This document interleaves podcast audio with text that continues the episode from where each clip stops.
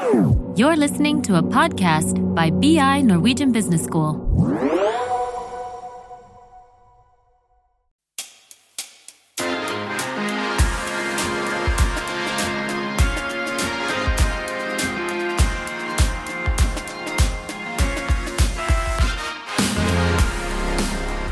Visste du at Facebook først ble etablert i 2003 under navnet FaceMash, som var en nettbasert tjeneste hvor studenter kunne bedømme medstudenters attraktivitet. Denne nettsiden ble fort lagt ned, og det var ikke før i 2006 at Facebook ble slik vi kjenner den i dag. På et annet universitet i USA i 2011 ble appen Pickaboo lansert av tre studenter. De ønsket å tilby en app der bildene som ble postet, kun skulle være tilgjengelig i en kort periode. Dette er appen vi kjenner i dag under navnet Snapchat. Både Facebook og Snapchat startet altså i det små, før de fikk millioner, til og med milliarder av brukere. De ble tech-giganter med en enorm makt, en makt mange av oss ikke innser at vi er med på å gi dem. Uten engang å ense det en tanke, trykker vi 'godta' og gir det tilgang til all vår data og vårt privatliv. Helt gratis. Etter hvert som disse plattformene har vokst, har også kritikken mot dem vokst. Men hvorfor skal vi egentlig være kritiske til disse tech-gigantene? Før vi gir en introduksjon av dagens gjester, så har vi fått med oss en ny programleder. Ronja, kan ikke du gi en eh, kjapp eh, introduksjon om hvem du er? Eh, ja. Eh, hei, jeg heter Ronja. Jeg kommer fra Stange og tar en bachelor i entreprenørskap her på BI. Med oss i dag så har vi også med oss Tore Tennø, som er direktør i Teknologirådet. Det er et organ som har som jobb å gi råd til Stortinget om ny teknologi. Vi har også med oss Harald Øverby, som er prorektor ved BI og professor i fagområdet digital økonomi. Tech-gigantene har jo enormt stor makt, og noen sier jo til og med at de har mer makt enn stater. Men hvem er disse tech-gigantene, og hvordan har de egentlig fått så mye makt? Slik jeg ser det, i hvert fall, så dreier det seg om Google, eller Alphabet som det heter i dag. Det er Apple, det er Microsoft, det er Facebook, Amazon, og så inkluderer man også ofte to store kinesiske tech-giganter, eh, firmaene Tencent og Alibaba. Jeg sjekka kjapt uh, før jeg kom um, hva som var de mest verdifulle selskaper i verden. Jeg fikk data for 2021, da, og da var akkurat det selskapet som Harald sa, uh, nevnte nå, det ligger på alle på de førsteplassene. Hvis du går tilbake til la oss si 2006, helt annet bilde. Da er det sånn Exxon, og det er, sant, det er energi, det er bank og finans, for eksempel, og industri. Så det har endra seg enormt da i løpet av de 10-15-20 åra som har gått. Ja, det er ganske interessant, fordi at uh, ikke bare er de store, men de er de største firmaene i verden i dag. I, når det gjelder markeds, eller, uh, kapital og, og markedsposisjon. Dette er verdens største firmaer, som er teknologifirmaer, digitale firmaer. Så hvordan har det egentlig vokst seg så store og fått så mye makt? Altså Hvis du ser på teknologien, da, uh, så, så hadde du internett. 2007 kom smarttelefon. Da bærer du med deg internett overalt hvor du går. Du har det på kroppen, og du bruker det til alt mulig. Det som skjer parallelt, det er at det er regnekraft eh, Regnekrafta blir ekstremt mye større. Man har noe som man kaller Moores law. Altså, man kan putte dobbelt så mange transistorer inn på en chip hvert andre år. Det kalles eksponentiell vekst. Mm. Det vil si, man kan lagre så mye man vil, man kan gjøre operasjoner mye fortere. Altså så kan eh, Facebook eksempel lagre alle data om det. Og så kan du bruke den krafta til å forutsi ting. Du kan bruke algoritmer. I dag har vi kunstig intelligens-algoritmer. Og det er et enormt viktig verktøy for det selskapet her, for å servere akkurat det du vil ha på din timeline, for eksempel, eller det du vil uh, tror, De tror du kommer til å spørre om, det er akkurat du får til persontilpassa informasjon om. Uh, så det har vært noen faktorer her. Så er det jo det at det, det, er litt ulike forretningsmodeller det har, det selskapet her. Men én ting er jo at dere har fått data av oss og generert av oss. Tatt det, brukt det og solgt det til annonsører. Det de gjør, er at de holder informasjonen som de samler, for seg selv. Den deler de ikke med sine konkurrenter. Eh, det er ikke noe insentiv for å dele, og det er heller ikke noen eh, regelverk eller regulering i dag som gjør at de er nødt til å dele dataene heller. Så all data du legger igjen på Facebook, den forblir hos Facebook, og den bruker Facebook til å tjene penger. Det samme gjør Google, og det samme gjør Apple. Og Da er det veldig vanskelig, og når man ikke deler data, så er det veldig vanskelig også å komme inn som en ny aktør i det bildet her og få tilgang til den dataen. Det må du samle opp selv. Og Det tar lang tid, da må du ha mange brukere, og så må du eh, bruke mye penger på å samle den dataen for å kunne konkurrere med eh, de store tech-gigantene. Og Så er det viktig å legge til også den internasjonale aspekten av det. At, eh, fordi disse firmaene har tjenester som har blitt svært populære, og de er tilgjengelige internasjonalt i så å si nesten alle land kan du bruker Facebook eller Amazon eller Apple sine produkter. Eh, og Det gjør at du får et internasjonalt nedslagsfelt, og på den måten får utrolig mange kunder. Dette er ikke firmaer, altså det er amerikanske produkter designa i USA i stor grad, eh, som, som, er blitt tilgjengelige over hele verden. Eh, de er ikke bygd og lagd i Norge, men vi i Norge bruker de likevel. Og når de får så mange brukere, så begynner de å tjene mye penger, og så er det en sånn positiv spiral, en positiv feedback, som vi sier, som gjør at når de tjener mer penger, så får de lagd enda bedre produkter, de får enda mer kunder og tjener enda mer penger, og så vokser de videre og videre. Men hva, hva, er egentlig omfanget av all den makta de besitter? Altså, Som du sier, de får flere og flere kunder, og som det påpekes her, at de sitter på veldig mye informasjon om oss. De får jo vite alt om oss som de kan bruke videre til f.eks. markedsføring. Eh, men hva er det egentlig omfanget av alt det her, og kan dere komme med litt eksempler på det? Åpenbart det økonomiske makta. Altså at det her er verdens mest verdifulle selskaper, og det har veldig eh, det har veldig masse penger på bok i tillegg. Også fått en markedsmakt nettopp pga. effektene at Altså nettverkseffekter, for eksempel. Det vil si at det Altså, du vil være på et sosialt medium der andre er.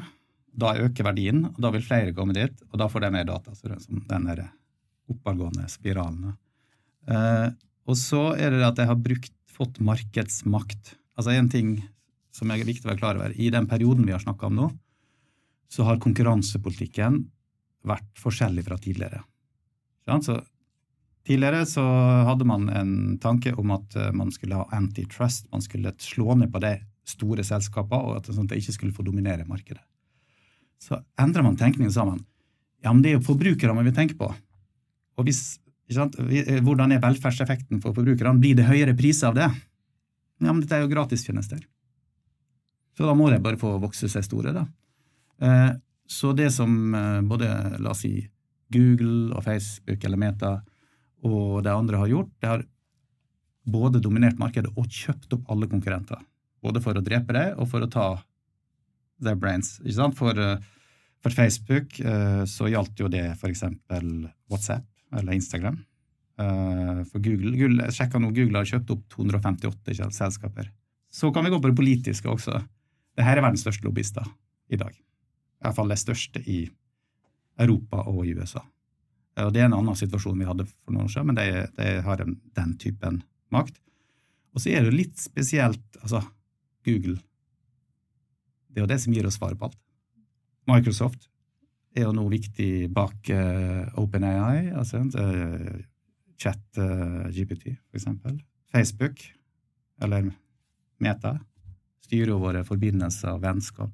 Uh, så det har en offentlighetsmakt, da, som også er, er viktig. Så det har jo sett politisk at det har kanskje vært tungen på vektskåla i enkelte valg man snakker 2016-valget, der Trump ble valgt, f.eks. Han gikk all in på Facebook. Mye mer enn Hillary Clinton. Så det, det er noen typer makt der hatt. Dette er jo vår tids massemedier. Det er der du har eh, ytring, der du har eh, politiske meninger og ordvekslinger.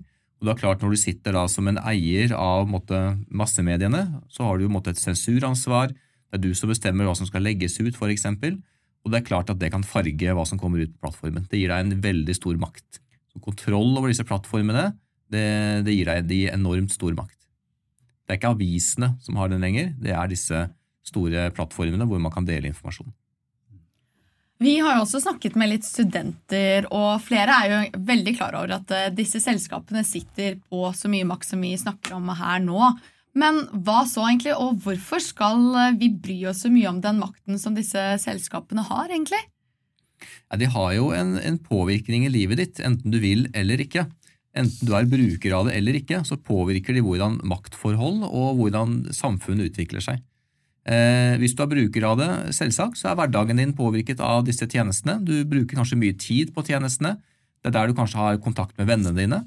Og kanskje er det ikke så lett å, å ikke bruke de tjenestene hvis du f.eks. skal uh, ha kontakt med dine nærmeste venner. Hvis alle vennene er på Facebook for eksempel, og du kutter ut Facebook, så vil du kanskje gå glipp av en god del sosiale ting.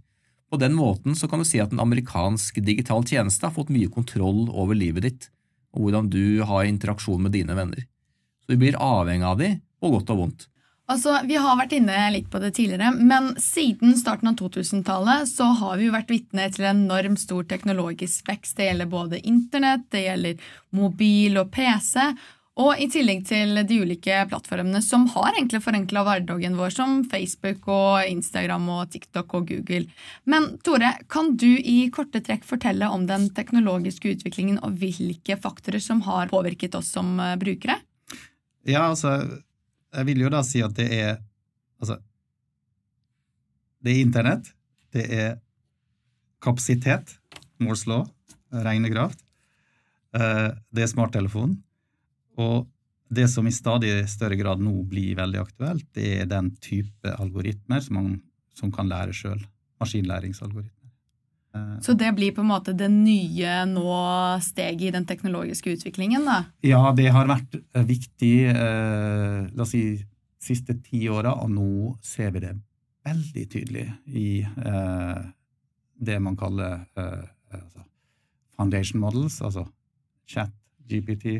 Eh, Google er kjempegod på det her, kommer med sine modeller i løpet av, i løpet av våren det her, eh, det her, er en sånn type kraft, eh, hjernekraft, på sett og vis, som vi ikke har sett maken til før.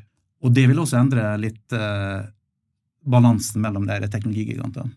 Eh, hva skjer med Google-søk når du går på chat eh, GPT istedenfor? Altså, det, det, det, det blir et helt annet grensesnitt til maskinene fremover. Og Jeg er helt enig i det, og, og det er eh, også kanskje en av grunnene til at hvorfor liksom, det er Microsoft som investerer i det her. Eh, OpenAI, og kanskje ikke så mye, altså Google gjør sine egne greier, men altså ChatGPT kan bli en erstatning av Google Search. Du, I Google Search så skriver du jo på en måte stikkord og ting du ønsker å søke på. Du skriver ikke setninger, men i ChatGPT så kan du gjøre akkurat det samme. Gi meg de beste stedene hvor jeg kan kjøpe en flat, eh, flatskjerm, f.eks. Og så får du lista opp de stedene. Så De kan gjøre mye av samme funksjonen. Vi er kanskje ikke akkurat der i dag, men når det kommer neste generasjon av ChatGPT, så kan godt hende at det kan være en fullgod erstatter av det som er Google Search.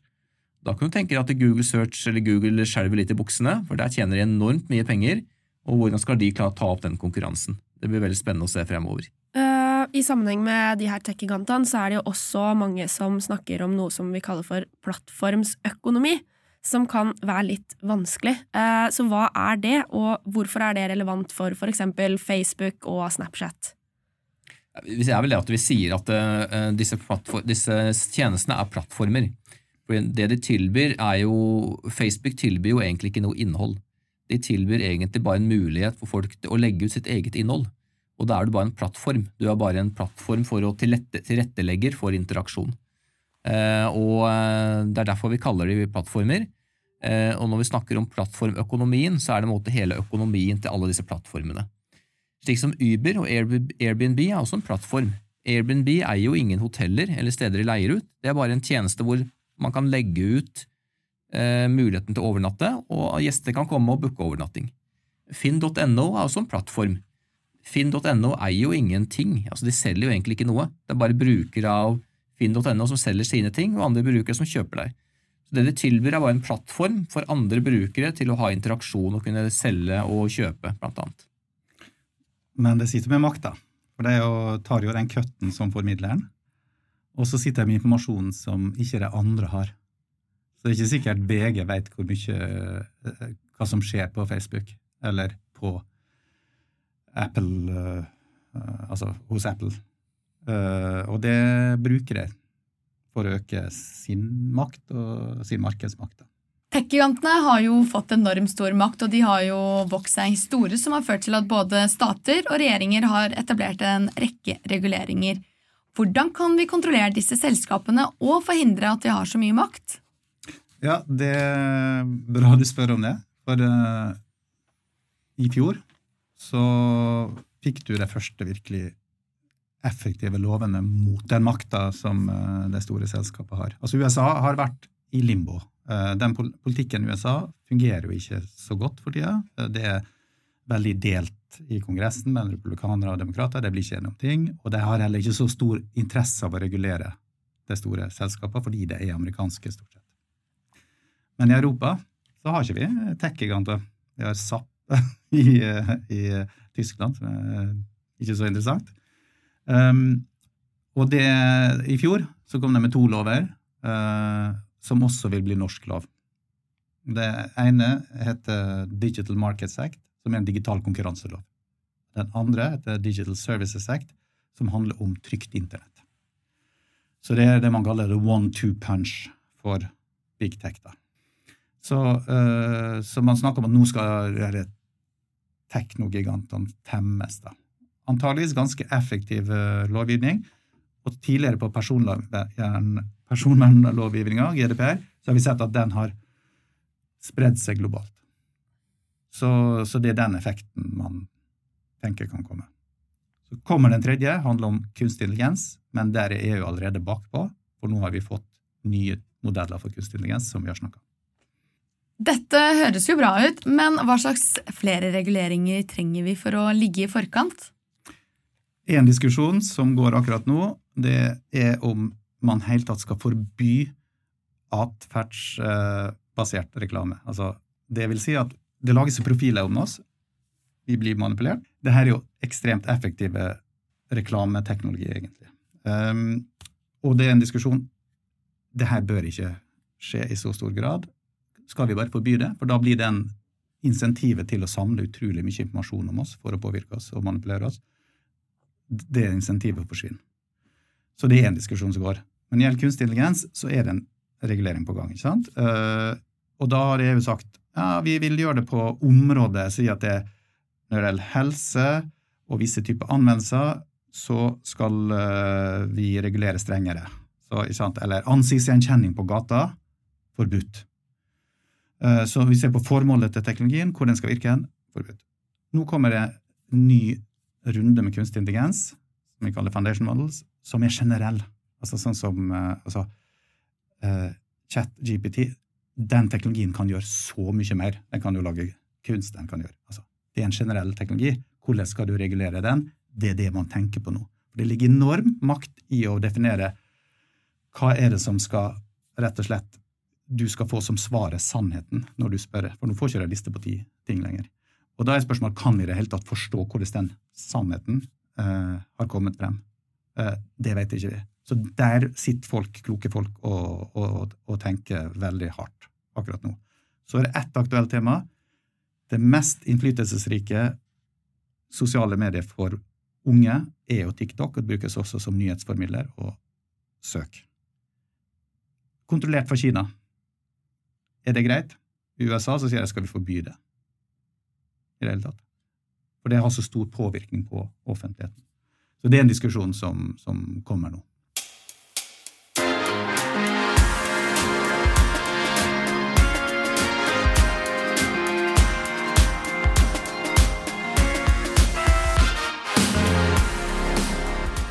Vi bruker mye tid på Facebook, Snapchat og Google.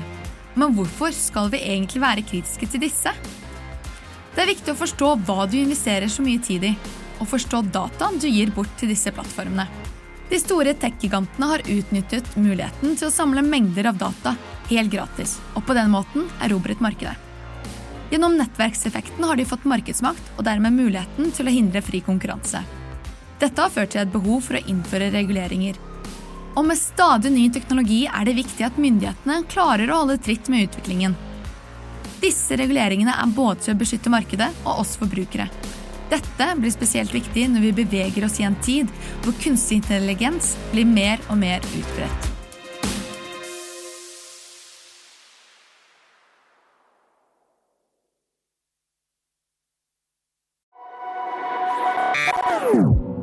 This is a BI production. Listen to more podcasts. Go to bi.no slash podcasts.